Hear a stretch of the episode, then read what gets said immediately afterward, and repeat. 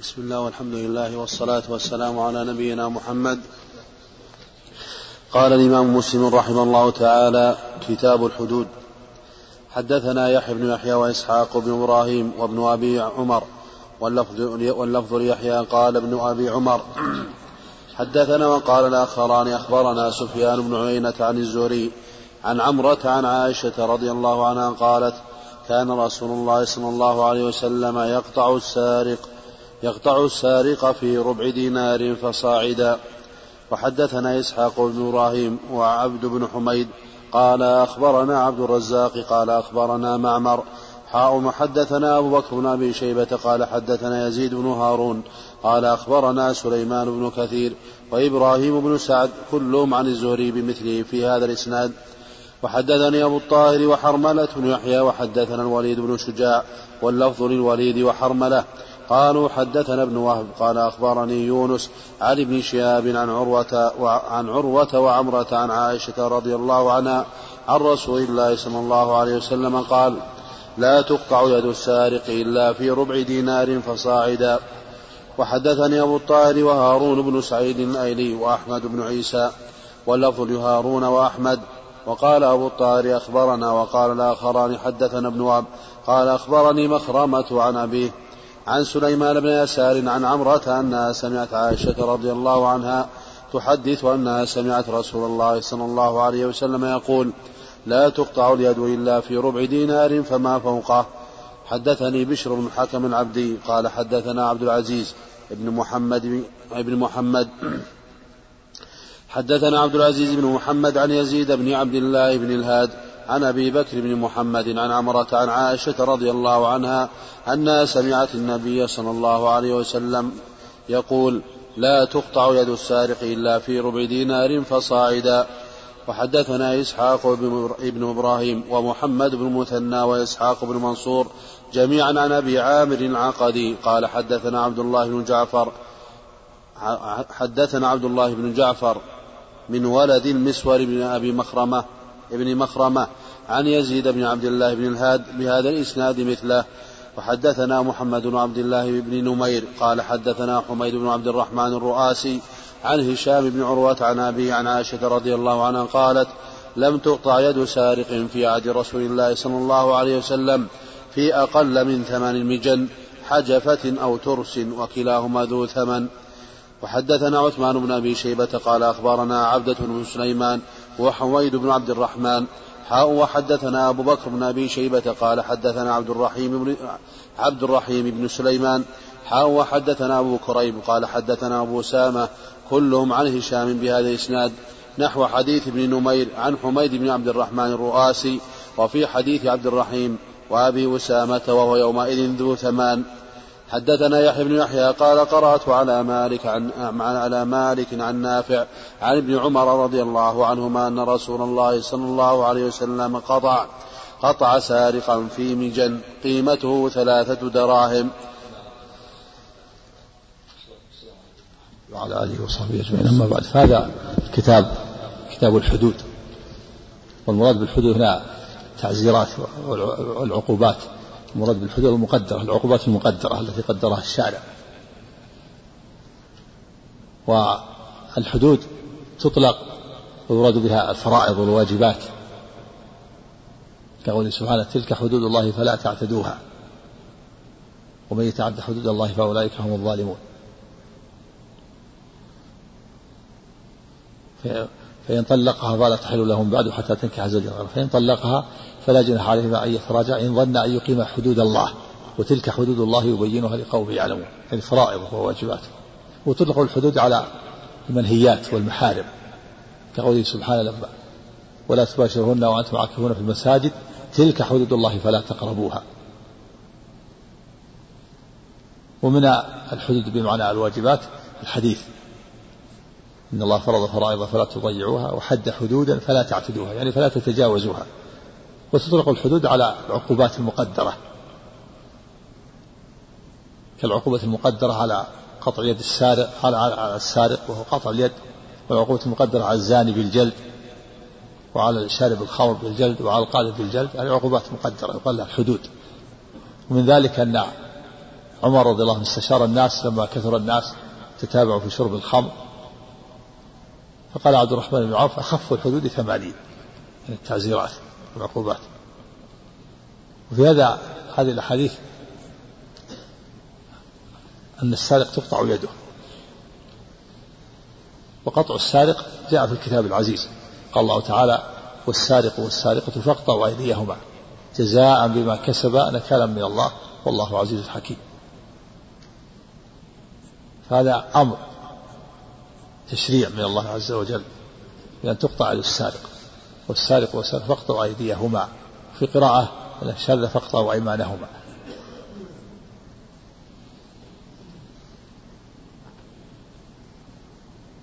بين الله سبحانه وتعالى الحكمة في قطع يد السارق. جزاء بما كسب نكالا من الله. بين أن تنكيل من الله وزجر فالحدود الحكمة منها الزجر والردع والجزاء على الجاني. مجازفة للجاني بصنيعه وهي أيضا تنكيل وزجر وردع. هذه الحكمة من إقامة الحدود. الحدود تقام لمجازاة الجاني على جنايته وهي زجر وتنكيل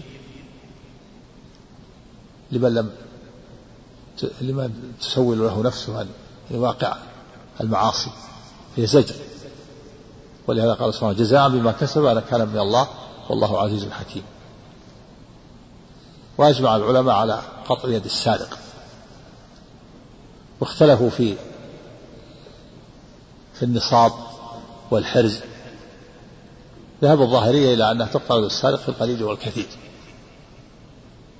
وجمهور العلماء على أن يد السارق لا تقطع إلا إلا إذا سرق ما يبلغ النصاب. واختلفوا في النصاب. قال بعض العلماء النصاب هو ربع الدينار كما جاء في حديث عائشة. لا تقطع يد السارق إلا في ربع دينار فصاعدا. والدينار هو المثقال. وربع الدينار ربع مثقال.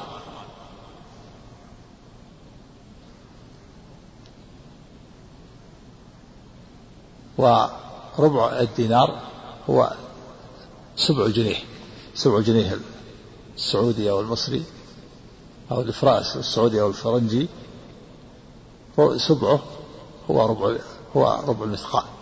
إذا كان الجنيه يساوي سبعمائة ريال فربع الدينار مئة ريال.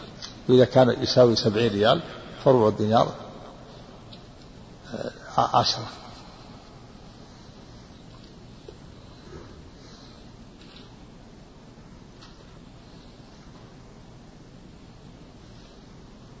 فالدينار مثقالان إلا ربع؟ نعم. و فذهب بعض العلماء إلى أن النصاب هو ربع الدينار كما جاء في الحديث وإلى هذا ذهب الشافعية. وقال آخرون من العلم إن النصاب هو ربع الدينار أو ثلاثة دراهم. على ما جاء في حديث ابن عمر أن النبي قطع في مجن قيمته ثلاثة دراهم. والمجن هو قالها الترس وهي أو الدرقة التي يتقي بها المقاتل وقع النبال يضعها أمام أمام وجهه. الترس أو الدرقة أو المجن قطع في مجن قيمته ثلاثة دراهم. ذهب إلى هذا بعض العلماء إلى أحمد وجماعة إلى أن الدينار إلى أن النصاب إما ربع دينار أو ثلاثة دراهم. وقالوا إن ثلاثة ربع الدينار يساوي ثلاثة دراهم. وذهب الأحناف إلى أن النصاب عشرة دراهم. قال آخر خمسة دراهم. وقيل ثلاث دراهم. وقيل درهمان. وقيل درهم. والصواب من هذه الأقوال أنه أنه ربع دينار كما في هذا ربع دينار أو ثلاث دراهم. والأقرب الله أعلم أن ثلاث دراهم تعادل ربع الدينار. والأصل هو هو ربع الدينار. هذا هو الأصل. كما في حديث عائشة. لا تقطع يد السارق إلا في ربع دينار. فإذا سرق ما يقارب ربع دينار قطعت يده إذا كان من حرز لابد من شرط الحرز أيضا. وألا يكون له شبهة. هذه الشروط. لابد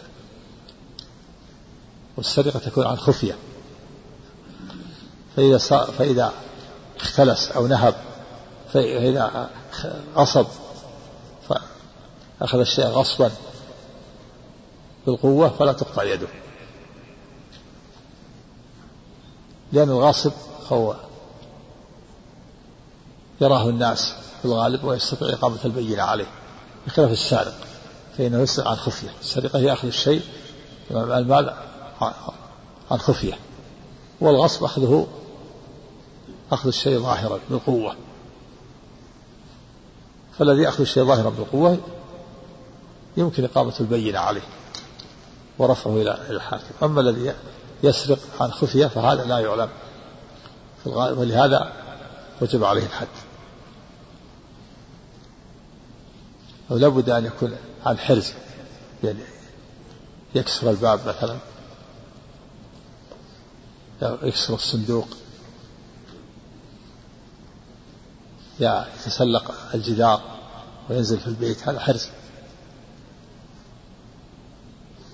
وكذلك السيارة والله أعلم أنها حرز.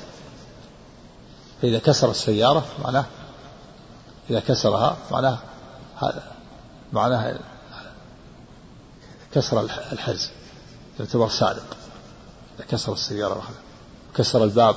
أو تسلق الجدار وكسر الصندوق.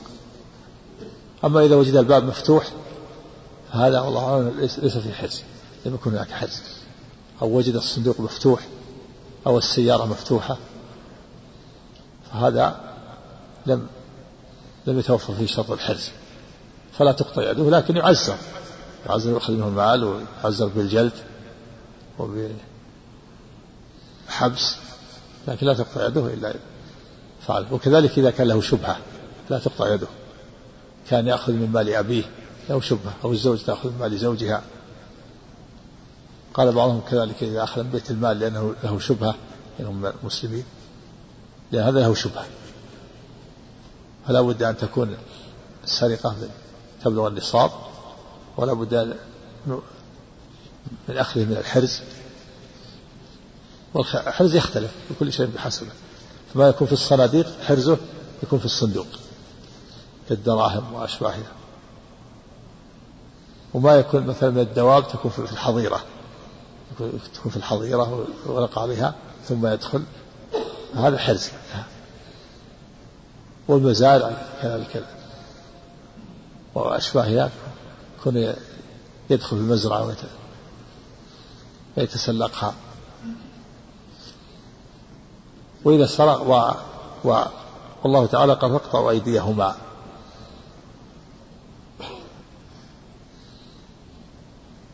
اختلف العلماء فيما تقطع فيه اليد. فقيل تقطع من مفصل الكف وهذا هو الصواب. تقطع يده اليمنى إذا سرق أولا قطعت يده اليمنى من مفصل الكف. كما فعل النبي صلى الله عليه وسلم. وقيل تقطع من من المرفق. وقيل من الإبط. وهذا يعني قول مرجوحان الصواب أنها مفصل الكف فإذا قطع سرق الثانية قطعت رجله اليسرى من مفصل القدم. فإذا قطع الثالثة سرق الثالثة قطعت يده اليسرى. فإذا سرق الرابعة قطعت رجله اليمنى. فإذا سرق الخامسة فإنه يعزر. يعزر. يعني يؤدب. نعم. يقول السيارة إدخالها المنزل وليس عند الباب والله قد يقال هذا يختلف باختلاف البلدان. لكن عندنا في بلادنا الأقرب أنها أنها في في لكن الملقى حرز. لكن في بلاد أخرى قد لا يكون الحرز في الشارع يعني ما تترك في الشوارع. فلا بد أن تكون داخل داخل البيوت أو خاصة. أما يعني فلقب الله لنا عندنا حرز لكن المغلقة تعتبر حرز السارة كلها في الشارع متروكة. نعم. حدثنا قتيبة بن سعيد وابن رمح عن الليث بن سعد حاء وحدثنا زهير بن حرب وابن مثنى. قال حدثنا يحيى وهو القطان حاء وحدثنا ابن نمير. قال حدثنا أبي وحدثنا أبو بكر بن أبي شيبة. قال حدثنا علي بن مسهر كلهم عن عبيد الله. فإذا لم تتوفر شروط السرقة هو سرق إذا لم تتوفر الشروط يعزر. ليس معنى ذلك أنه يترك. إذا سرق مثلا من غير حرز وجد الباب مفتوح ثم سرق مثلا أو الصندوق مفتوح أو سرق وله شبهة أو ما بلغ النصاب أقل من ربع دينار يعزر. بما يراه الحاكم بالجلد بالسجن الذي يرجعه ولا تقطع يده إلا إذا توفرت الشروط. نعم.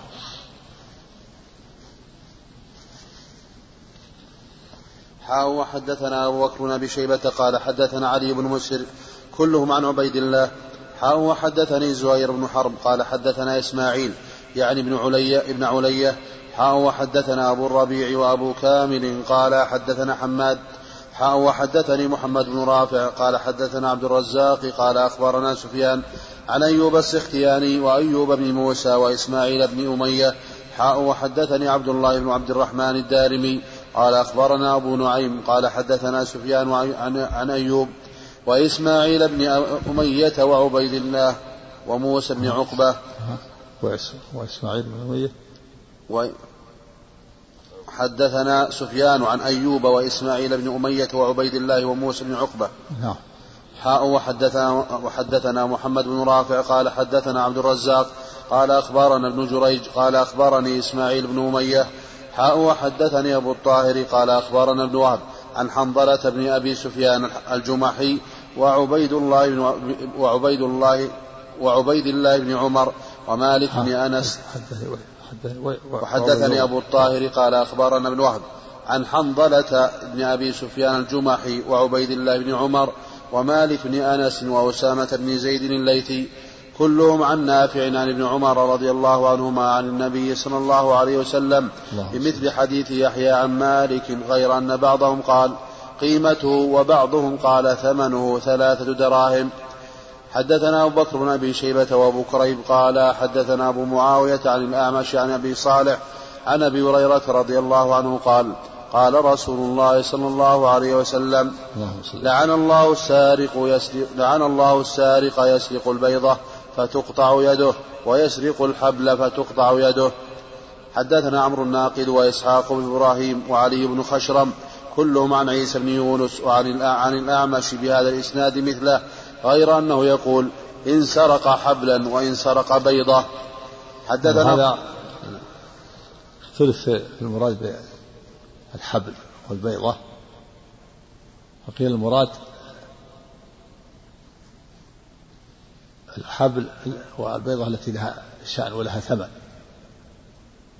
ولهذا قال إن يسرق البيضة فتقطع يده ويسرق الحبل فتقطع يده. فسرها بعضهم بالحبل حبل, حبل السفينة. له قيمة له قيمة. والبيض البيضة البيضة التي تكون على على رأس فوق رأس الفارس. هذه لها ثمن. وقيل المراد البيضة بيضة الدجاجة والحبل الحبل العادي. والمعنى أن السارق الذي يسرق البيضة والحبل وهو شيء يسير يجرئه ذلك على أن يسرق شيئا كثيرا فتقطع يده. لعن النبي صلى الله عليه وسلم السارق الذي يسرق البيضة بيضة الدجاجة والحبل الحبل الذي لا قيمة له لأنه يجرئه على سرقة ما يبلغ النصاب فتقطع يده. هذا هو الأقرب. وفي دليل على جواز لعن العصاة على العموم. لعن لعن الله السارق للجنس المراد جنس السارق فيجوز لعن السارق مثل قول لعن الله الخمر شاربها وعاصرها. فلا بأس لعن العصاة والكفر على العموم. لعن الله اليهود والنصارى لعن الله أكلة الربا لعن الله السارق السراق لعن الله الزناه لعن الله المراب المرابين على العموم. أما لعن المعين بعينه فهذا فيه خلاف. أجازه بعضهم والصواب المنع أن المعين لا يلعن. لأن المعين لا يدرى حاله. قد يكون معين له شبهة وقد يكون آه، وقد يتوب فيتوب الله عليه وقد يحصل له حسنات ماحية. فالمعين خاصة لا يلعن. استثنى بعضهم إذا اشتد أذاه للمسلمين فلا بأس. من ذلك قول أبي حنيفة لما ذكر عمرو بن عبيد قال لعن الله عمرو عمرو بن عبيد هو الذي فتح على الناس باب الكلام. والميت لا لا يلعن. لا يلعن ولو كان كافرا قول لا تسبوا لا تسبوا الاموات فانهم افضوا إلى ما قدموا إلا إذا كان إذا أريد التنبيه على تحذير من بدعته فيحذر من بدعته ولو كان في ذلك سب له لأن هذا في مصلحة الأحياء إذا كان ميت مبتدع حذر الناس من بدعته. نعم. نعم. لا يلعن الكافر لا تسبوا الأموات فإنهم أفضل إلى ما قدموا. والحي كذلك. الحي يدعى له بالهداية. يدعى له بالهداية لأن قد يتوب الله عليه كيف تلعنه ويتوب قد يتوب الله عليه. لكن على العموم العن الكفر على العموم يدخل فيها. نعم. إلا إذا من اشتد عليه إذا اشتد عليه وآذى المسلمين فلا بأس. نعم. أبو حنيفة اللي عمرو بن عبيد عن فتح كلامه نعم فتح باب الكلام في الصفات في نفي الصفات والكلام في القدر نعم. حدثنا قتيبة بن سعيد قال حدثنا ليث حاء وحدثنا محمد بن رمح قال أخبرنا ليث عن ابن, عن ابن شهاب عن عروة عن عائشة رضي الله عنها أن قريشا أهمهم شأن المرأة المخزومية التي سرقت فقالوا من يكلم فيها رسول الله صلى الله عليه وسلم؟ فقالوا ومن يشتري عليه إلا أسامة حب رسول الله صلى الله عليه وسلم.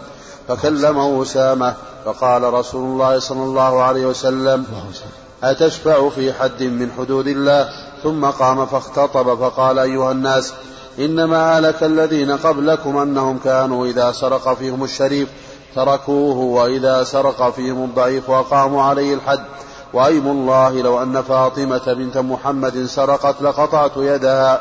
نعم وأيم الله أحسن بهذا الوصف نعم.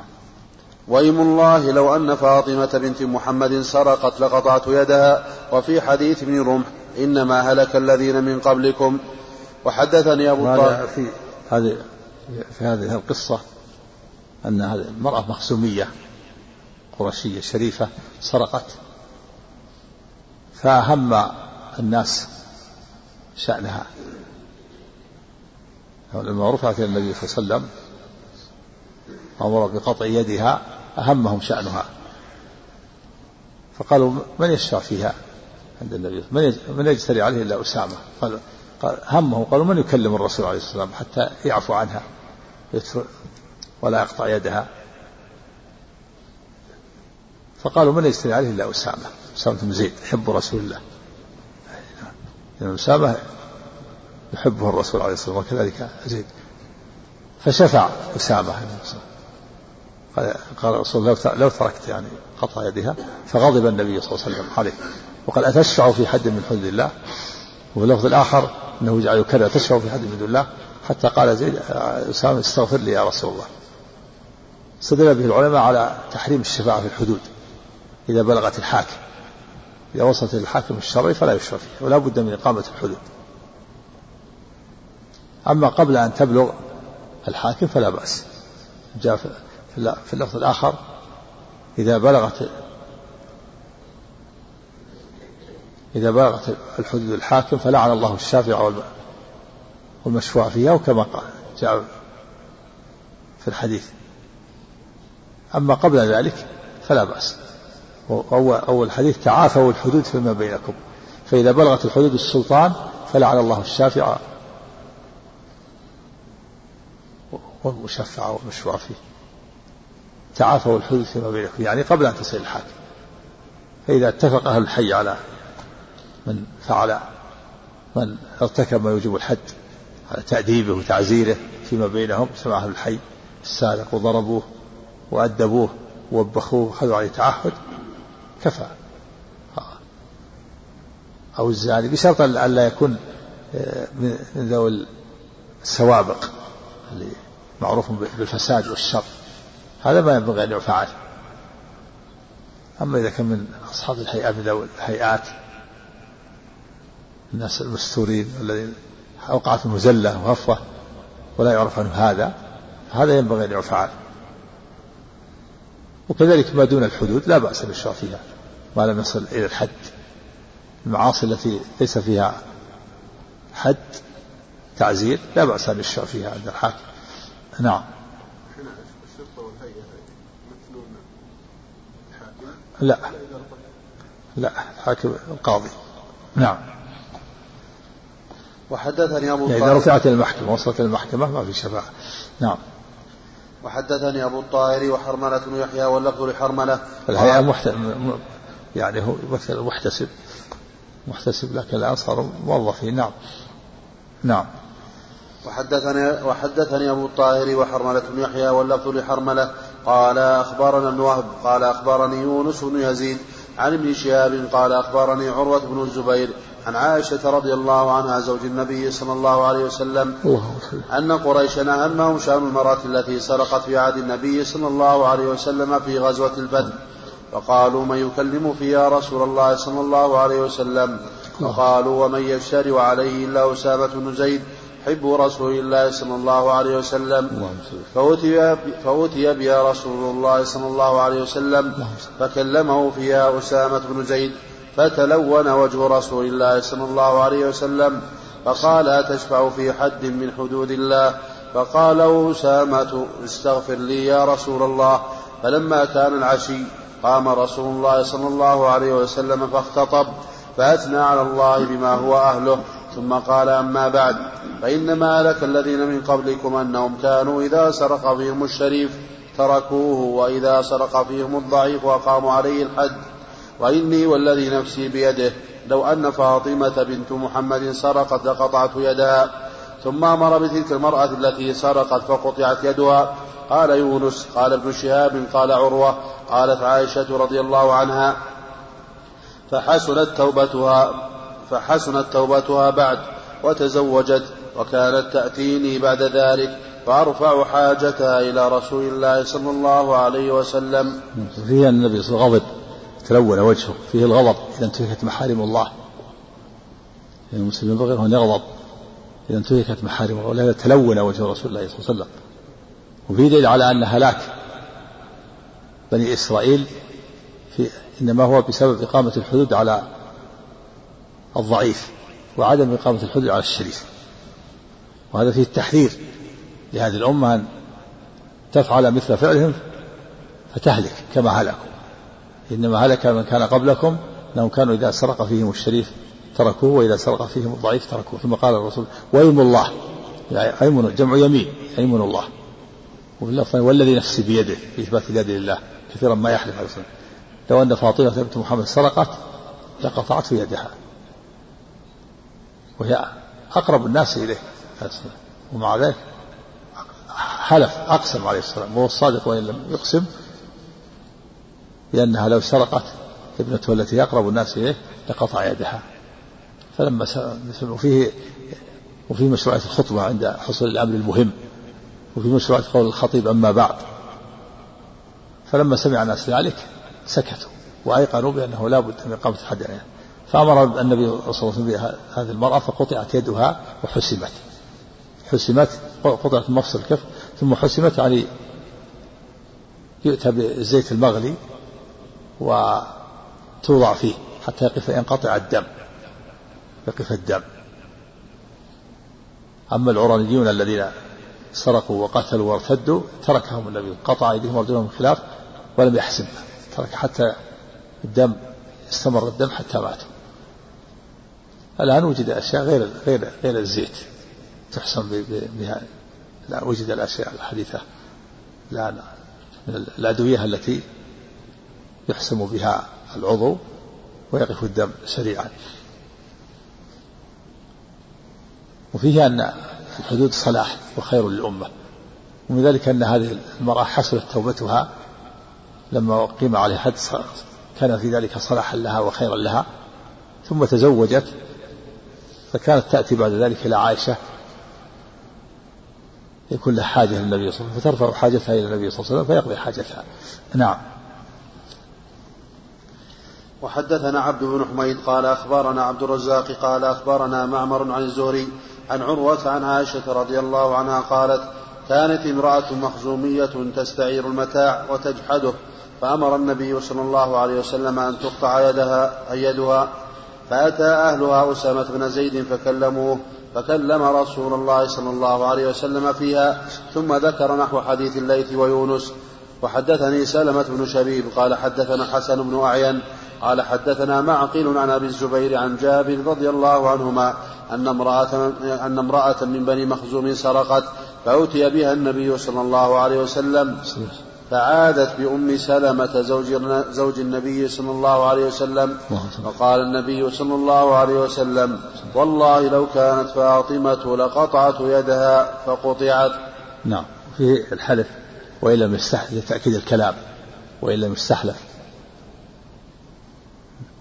نعم. سم سم.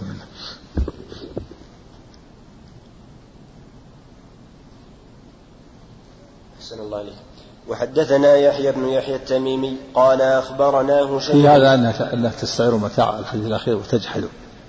وفي الحديث السابق أنها أنها تسرق. الاستعارة الاستعارة؟ ما ما تقطع يده هذا يستعير ثم يجحد. لكن الحديث الأول فيه تصريح. هذا يحتاج إلى الجمع بين هذه الروايات. إيش قال عندك تكلم عنه الأبي ها؟ نعم. ها فإن جحود وقد تقدم انها سرقت فقطع واختلف لذلك اقوال العلماء فذهب احمد واسحاق والطياريه إلى وجوب القطع على جاهل العاريه وقال الجمهور لا قطع على جاهليه وانما القطع على السرقه وقد جمع بين الروايتين بانها انما قطعت لاجل السرقه وأن ذكر العارية وجحدها إنما وردت عنيفا إنما إنما ورد تعنيفا؟ تعريفا تعريف كيف تعريف؟ نعم إيش وقد وقد قيل إيش؟ تعريفا لها صفتها ذلك. إيش هذا جاء تعريف تعريف الله بخاصة في صفاتها إذ كانت ذلك. إيه. كما ورد أنها كانت مقصومية وكأنها لما كثر منها جهد العادية تركت إلى السرقة وتجرأت عليها. ويؤيد هذا الجمع ما رواه ابن ماجه والحاكم من حديث مسعود بن الأسود قال لما سرقت المرأة تلك القطيفة من بيت رسول الله صلى الله عليه وسلم. سرقت إيش؟ قطيفة من بيت نعم. رسول الله. نعم. أعظمنا ذلك. فجئنا إلى رسول الله صلى الله عليه وسلم نكلمه ففيه التصريح بأنها سرقت قطيفة والقطع إنما وقع لأجل ذلك. مم. الأبي.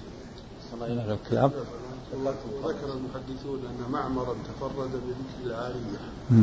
دون سائر الرواة وقيل أنه وافقه من لا يعتد بحفظه كابن أخي الزهري يحتمل أن تكون شاذة يقول شاذة. و... نعم. أو أنه وهم بعض الرواة نعم. كانت تجحد المتاع ولكن قطعت يدها بالسرقة لا بجحد المتاع. والاقرب أنها كانت تجمع بين السرقة وجحد المتاع. وهذا ما اختاره القرطبي والنووي والخطابي والمازري. مما يؤيد انها حادثة واحدة وما يريد ذلك أنه كانوا أنهم كلموا أسامة ولا يمكن أن يرجع أسامة ويكلم النبي صلى الله عليه وسلم مرتين بعد أن نهاه النبي صلى الله عليه وسلم عن ذلك. نعم لا. يعني هذا هو الأقرب أنها يعني قطعت بالسرقة ولكن اتصلت بصفتين اتصلت بالجحد وبالسرقة. نعم. أحسن الله عليك وحدثنا يحيى هنا ذكر اللبي فيما ذكر اللبي يرى أن أن رواية الجحد أنها شاذة. وقد يقال أنها وهم من بعض الرواة لكن الأصل عدم الوهم. نعم. النووي قال وإنما لم يذكر السرقة في هذه الرواية. لأن المقصود. عند الراوي ذكر منع الشفاعة في الحدود. لا الأخ- لا الإخبار عن السرقة. ها؟ وإنما؟ وإنما عفى الله عنك وإنما لم يذكر السرقة في هذه الرواية لأن المقصود منها عند الراوي ذكر منع الشفاعة في الحدود لا الإخبار عن السرقة قال جماهير العلماء وفقهاء الأمصار لا قطع على من جحد العارية نعم. هذا الحديث بنحو ما ذكر نعم لا الآخر مثل ما مثل ما عبد الله السابق اللي علق عليه السلام أعد الكلام السابق. قلت فيه أنها كانت تجحد المتاع ولكن قطعت يدها بالسرقة لا بجحد المتاع. والأقرب أنها كانت تجمع بين السرقة وجحد العارية وهذا ما اختاره القرطبي والنووي والخطابي والمازري. ومما يؤيد أنها حادثة واحدة أن في قوله تجحد المتاع أنهم كلموا أسامة. ولا يمكن أن يرجع أسامة ويكلم النبي صلى الله عليه وسلم مرتين بعد أنها في المرة الأولى. هذا في القراءة السابقة. أن قراءة صحيح مسلم قبل هذه المرة. نعم. أحسن عليك. قال وحدثنا يحيى بن يحيى التميمي قال أخبرنا هشيم عن منصور عن الحسن عن حطان بن عبد الله الرق الرقاشي عن عبادة بن الصامت رضي الله تعالى عنه. قال قال رسول الله صلى الله عليه وآله وسلم. خذوا عني خذوا عني قد جعل الله لهن سبيلا. البكر بالبكر جلد مئة ونفي سنة والثيب بالثيب جلد مئة والرجم. وحدثنا عمرو الناقد قال حدثنا هشيم قال أخبرنا منصور بهذا الإسناد مثله. حدثنا محمد بن المثنى وابن بشار جميعا عن عبد الأعلى قال ابن المثنى حدثنا ابن قال ابن المثنى حدثنا عبد الأعلى قال حدثنا سعيد عن قتادة عن الحسن عن حطان بن عبد الله الرقاشي عن عبادة بن عن عبادة بن الصامت قال كان قال كان نبي الله صلى الله عليه وآله وسلم إذا أنزل عليه كرب لذلك وتربد له وجهه قال فأنزل عليه ذات يوم فلق فلقي كذلك فلما سري عنه قال فرقية أو فلقي عفى الله تخفيف. نعم. نعم. فلقي كذلك فلما سري عنه قال خذوا عني قد جعل الله ل... خذوا عني فقد جعل الله فقد جعل الله لهن سبيلا. الثيب بالثيب والبكر بالبكر. الثيب جلد مئة ثم رجم بالحجارة والبكر جلد مئة ثم نفي سنة. وحدثنا وهذا حديث عبادة فيه في إيضاح للآية. الكريمة ويقول الله تعالى واللاتي يأتين الفاحشة من نسائكم فاستشهدوا عليهن أربعة منكم فإن شهدوا فأمسكوهن في البيوت حتى يتوفاهن الموت أو يجعل الله لهن سبيلا. حديث عبادة فيه قال فيه النبي خذوا عني خذوا عني قد جعل الله لهن سبيلا. الثيب بالثيب جلد مئة والرجم والبكر بالبكر جلد مئة وتغريب عام. في هذا الحديث أن أنه يجمع للثيب بين الرجم والجلد. وأما البكر فإنه يجلد ثم يغرب والمراد بالثيب فهذا فيه بيان حد الزاني الثيب وحد الزاني البكر. الثيب هو الذي تزوج قد تزوج في عمره مرة واحدة. الذي تزوج في عمره ولو مرة واحدة ولو لم يكن معه زوجة هو الذي وطئ في نكاح صحيح. هذا يقال له الثيب فإذا زنى حده الرجم. والبكر هو الذي لم يتزوج. وقول الثيب بالثيب ما يلزم أن يكون الزنا بالثيب. الثيب لو زنى بالثيب أو بالبكر الحكم واحد. وكذلك البكر إذا زنى بالبكر أو بالثيب الحكم واحد.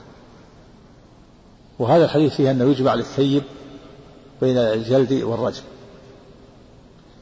وفي الأحاديث الأخرى ليس فيه جلد بين الجمع بين الثيب بين الرجم والجلد. فالأقرب أن هذا منسوخ من حديث عبادة منسوخ وأن حد الثيب الرجم فقط بدون الجلد. وهذا ونسخ ونسخ قبل التمكن من الفعل. والدليل على هذا النبي صلى الله عليه وسلم رجم معزا ولم يجلده ورجم الغامدية ولم يجدها ورجم اليهوديين والمجد هما تدل على أن هذا منسوخ نسخ قبل التمكن من الفعل. ثيب حده الرجل بالحجارة حتى يموت. والبكر حده الجلد والتغريب نعم. بالاعتراف أو بالإقرار. بالاعتراف والإقرار أو بشهادة أربع شهور. سيأتي في حديث آه، في في حديث ماعز أنه اعترف أربع مرات. إن شاء الله. نعم. أحسن الله عليك. وحدثنا محمد هل يشترط تكرار الاعتراف أو لا يشترط؟ نعم. فلا إقامة الحد يكون بأحد أمرين. سيأتي في حديث الله كذلك في حديث عمر. نعم. إما, إما, الإقرار أو أو الشهود. أو الحمل بالنسبة للأنثى كما سيأتي. نعم. الله عنك وحدثنا محمد بن المثنى وابن بشار قال حدثنا محمد بن جعفر قال حدثنا شعبة حاون وحدثنا محمد بن بشار قال حدثنا معاذ بن هشام قال حدثني أبي كلاهما عن قتادة بهذا الإسناد غير أن في حديثهما البكر يجلد وينفى والثيب, والثيب يجلد ويرجم. ينفى يعني يغرب نعم. عفى الله عنك. لا يذكران سن لا يذكران سنة ولا مئة. حدثني أبو الطاهر وحرملة بن يحيى. قال حدثنا ابن وهب. قال أخبرني يونس عن ابن شهاب. قال أخبرني عبيد الله ابن عبد الله بن عتبة أنه سمع عبد الله ابن عباس رضي الله عنهما يقول قال عمر بن الخطاب رضي الله عنه وهو جالس على منبر رسول الله صلى الله عليه وآله وسلم. إن الله قد بعث محمدا صلى الله عليه وسلم بالحق وأنزل عليه الكتاب فكان مما أنزل عليه آية الرجم. قرأناها ووعيناها وعقلناها فرجم رسول الله صلى الله عليه وسلم ورجمنا بعده. فأخشى إن طال بالناس فأخشى إن طال بالناس زمان أن يقول قائل ما نجد الرجم في كتاب الله فيضلوا بترك فريضة أنزلها الله وإن الرجم في كتاب الله حق على من زنى إذا أحصن من الرجال والنساء إذا قامت البينة أو كان الحبل أو الإعتراف. وحدثنا نعم هذا فيه في بيان أن أن آية الرجم كانت آية ثم نسخ لفظها وبقي حكمها. كان في سورة النور وهي والشيخ والشيخة إذا زنيا فارجموهما البتة لكان من الله والله عزيز حكيم نسخت هذه الآية نسخ لفظها وبقي حكمها. قال عمر قرأناها ووعيناها. رجم رجم رسول الله صلى الله عليه وسلم رجمنا. فأخشى أن يطول بالناس زمان فيضل بتلك فريضة أن أن يقول أن يأتي أناس فأخشى إن طالب الناس الزمان أن يقولوا لا نجد الرجل في كتاب الله فيضلوا بترك فريضة أنزلها الله. وهذا الذي خشاه عمر حصل حصل من الخوارج والمعتزلة. كالنظام وأصحابه فأنكروا الرجم وقالوا ليس في ليس في كتاب الله. الخوارج أنكروا الرجم رحمك الله. وإن قال عمر رضي الله عنه وإن الرجم حق على من زنى إذا أحصن وقامت البينة أو الإقرار أو أو الحبل. فهذه إذا وجد واحد من هذه الأمور فإنه يقام الحد على الزاني إذا زنى وكان محصنا والمحصن هو المتزوج. بالنسبة ثيب و والمحصن بالنسبة للبكر يكون حر أيضا لأن العبد على النص يكون لا يكون فيه الجلد ولا ولا على تفصيل جاء في السنة. العبد لا لا يرجم وإنما يجلد ينصف عليه الحد. إذا قامت البينة أو كان الإقرار أو الحبل هذه المرأة تجلد قام عليه الحد بواحد من ثلاثة.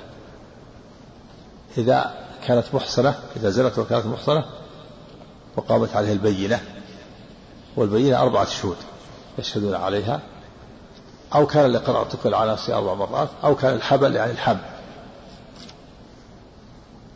ما لم يوجد مانع كانت تكون مكرهة. فلا يقام عليه الحد إذا كانت مكرهة. إذا وجد الحبل الحمل يكون الحمل يكون من الجماع أو كانت أو قرت على نفسها أو كانت البينة أما الرجل فإنه يقام عليه بأحد أمرين إما البينة أو الإقرار. البينة شهود أربع. يشهدون أنه فعل أنه فعل. لا يكنون يصرحون.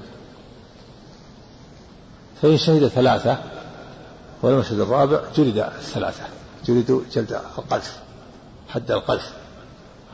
أربعين كل واحد يجلد ثمانين قال الله تعالى والذين يرمون المحصنات ثم لم يأتوا بأربعة شهداء فاجلدوهم ثمانين جلدة. ولا تقولوا لهم شهادة أبدا وأولئك هم الفاسقون.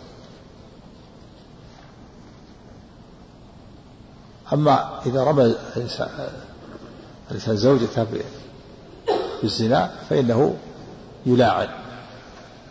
وأما غير الزوج فإنه يقام عليه الحد. ولهذا قال والذين يرمون أزواجهم ولم يكن ولم يكن شهداء إلا أنفسهم فشهادة واحدهم أربع شهادات بالله إنه لمن الصادقين. والخامسة أن لعنة الله عليه كان من الكاذبين. ويدرأ عنه العذاب أن تشهد أربع شهادات بالله إنه لمن الكاذبين. والخامسة أن غضب الله عليه كان من الصادقين. هذه الأيمان بدل الشهود. هذا الزوج خاص بالزوج. وغير الزوج إما أن يأتي بأربعة شهود أو يجلد. و... والغالب أن الزنا ما يثبت إلا بال... بالإقرار. ولم يوجد لم يذكر أنه أنه ثبت الزنا بالشهود شهود أربعة يشهدون عليه. أنه فعل فاحشة وقعت حادثة كارثة في زمن أظن في في زمن عمر أنهم أو ثلاث إخوة أربعة أرادوا أن شهدوا شهد ثلاثة وامتنع الرابع فجلدوا. نعم. أحسن الله عليك وحدثناه أبو بكر بن أبي شيبة وزهير بن حرب وابن أبي عمر قالوا حدثنا سفيان عن الزهري بهذا الإسناد. وحدثني عبد الملك بن شعيب بن الليث بن سعد قال حدثني أبي عن جدي قال حدثني عقيل عن ابن شهاب عن أبي سلمة بن عبد الرحمن بن عوف وسعيد بن المسيب عن أبي هريرة رضي الله عنه أنه قال أتى رجل من المسلمين رسول الله صلى الله عليه وسلم وهو في المسجد فناداه فقال يا رسول الله إني زنيت فأعرض عنه فتنحى تلقاء وجهه فقال له يا رسول الله إني زنيت فأعرض عنه حتى حتى ثنى ذلك عليه أربع مرات فلما شهد ثنى حتى ثنى. عندي نون تخفيف. ضبطها عندك في الشارع؟ تشتيت؟ نعم. ثنى ذلك نعم. أحسن الله حتى ثنى ذلك عليه أربع مرات فلما شهد على نفسه أربع شهادات دعاه رسول الله صلى الله عليه وسلم. فقال نعم.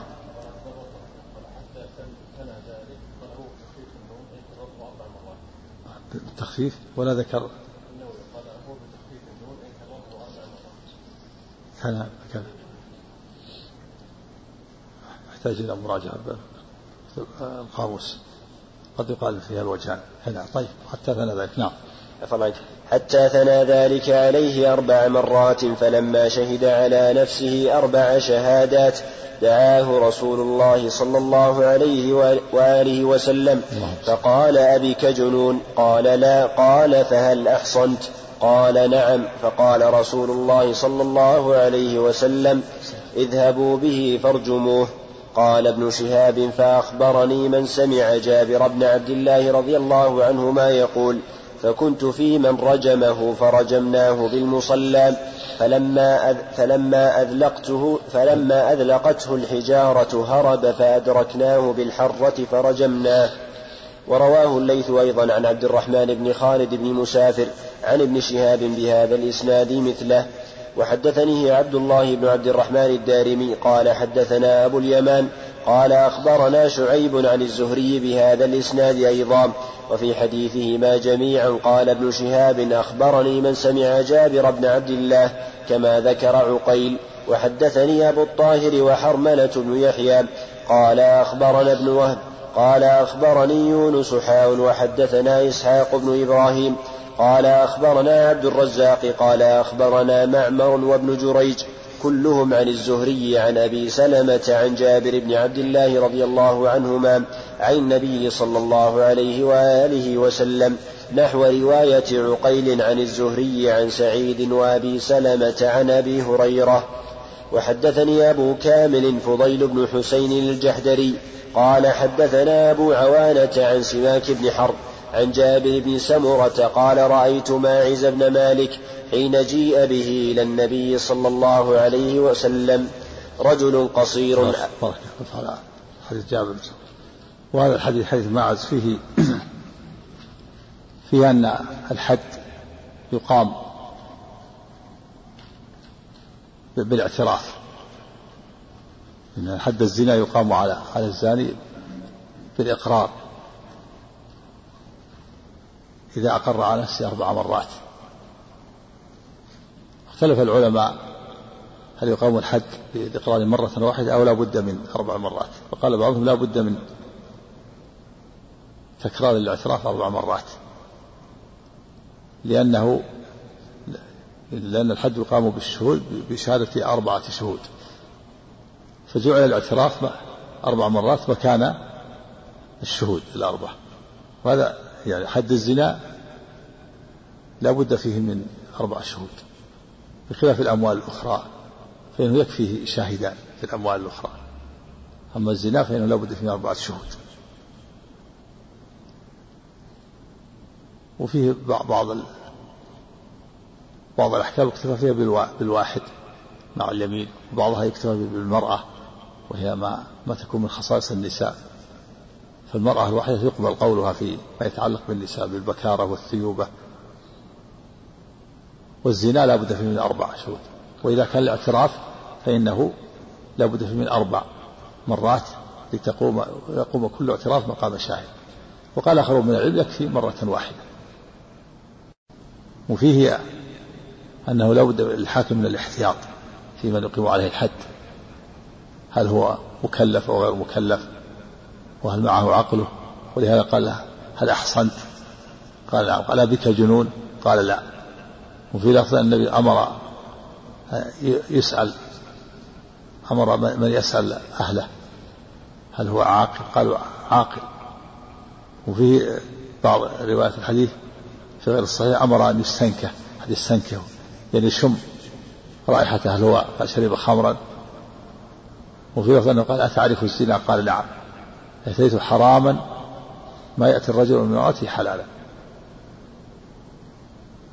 وفيه دليل على أنه على أن من جاء تائبا فإنه لا يجب عليه إقامة الحد وإنما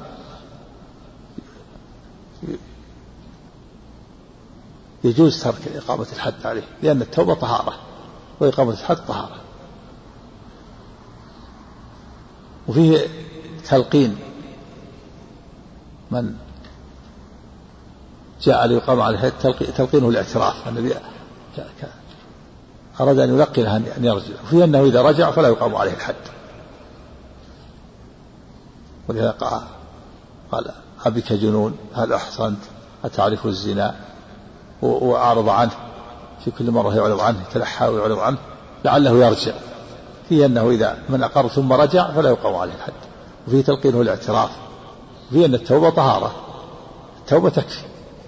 تطهره من من الذنب والحد طهارة. وفي أنه إذا لح يقام عليه الحد ولهذا قال لهم اذهبوا به فارجموه. فلما ذاقت الحجارة هرب جاء في بعض الروايات في غير الصحيح أنه قال لو تركتموه لو تركتموه يتوب فيتوب الله عليه لما هرب وتبعناه فرميناه جاء في بعض الروايات أن النبي قال والذي نفسي بيده إنه, إنه الآن في أنهار الجنة ينغمس فيها. لأنه تاب. نعم صب صب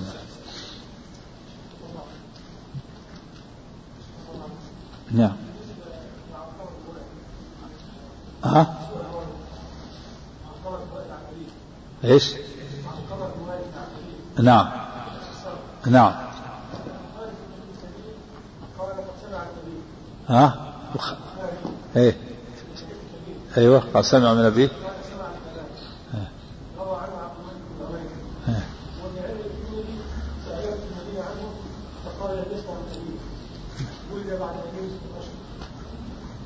كيف هذا؟ كيف الجمع بينهما؟ كيف يقول سمع به الترمذي في إيش؟ في السنن؟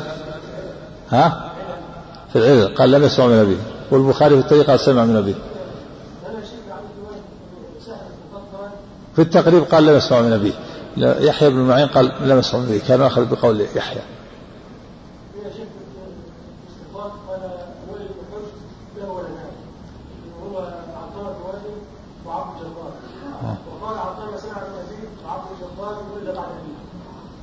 قال من عطاء؟ من من يقول؟ إيه من قال هذا عطاء؟ ها؟ إيه.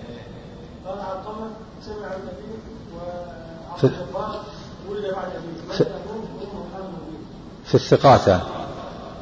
إيه.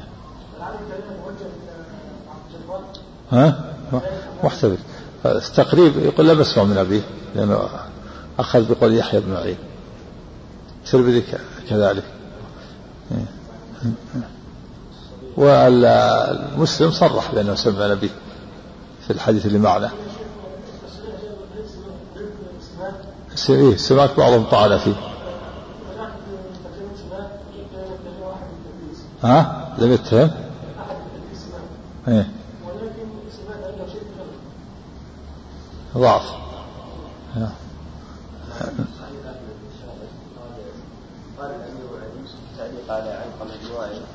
قال الأمير علي إنه سمع أباه كما نص الترمذي في باب المرأة استشهدت على الزنا بقوله علقمة بن سمع من أبيه وهو أكبر من عبد الجبار الذي لم يسمع من أبيه. هذا إيش هذا؟ هذا تعليق ها؟ هذا تقريب صغير؟ نعم إيش يقول؟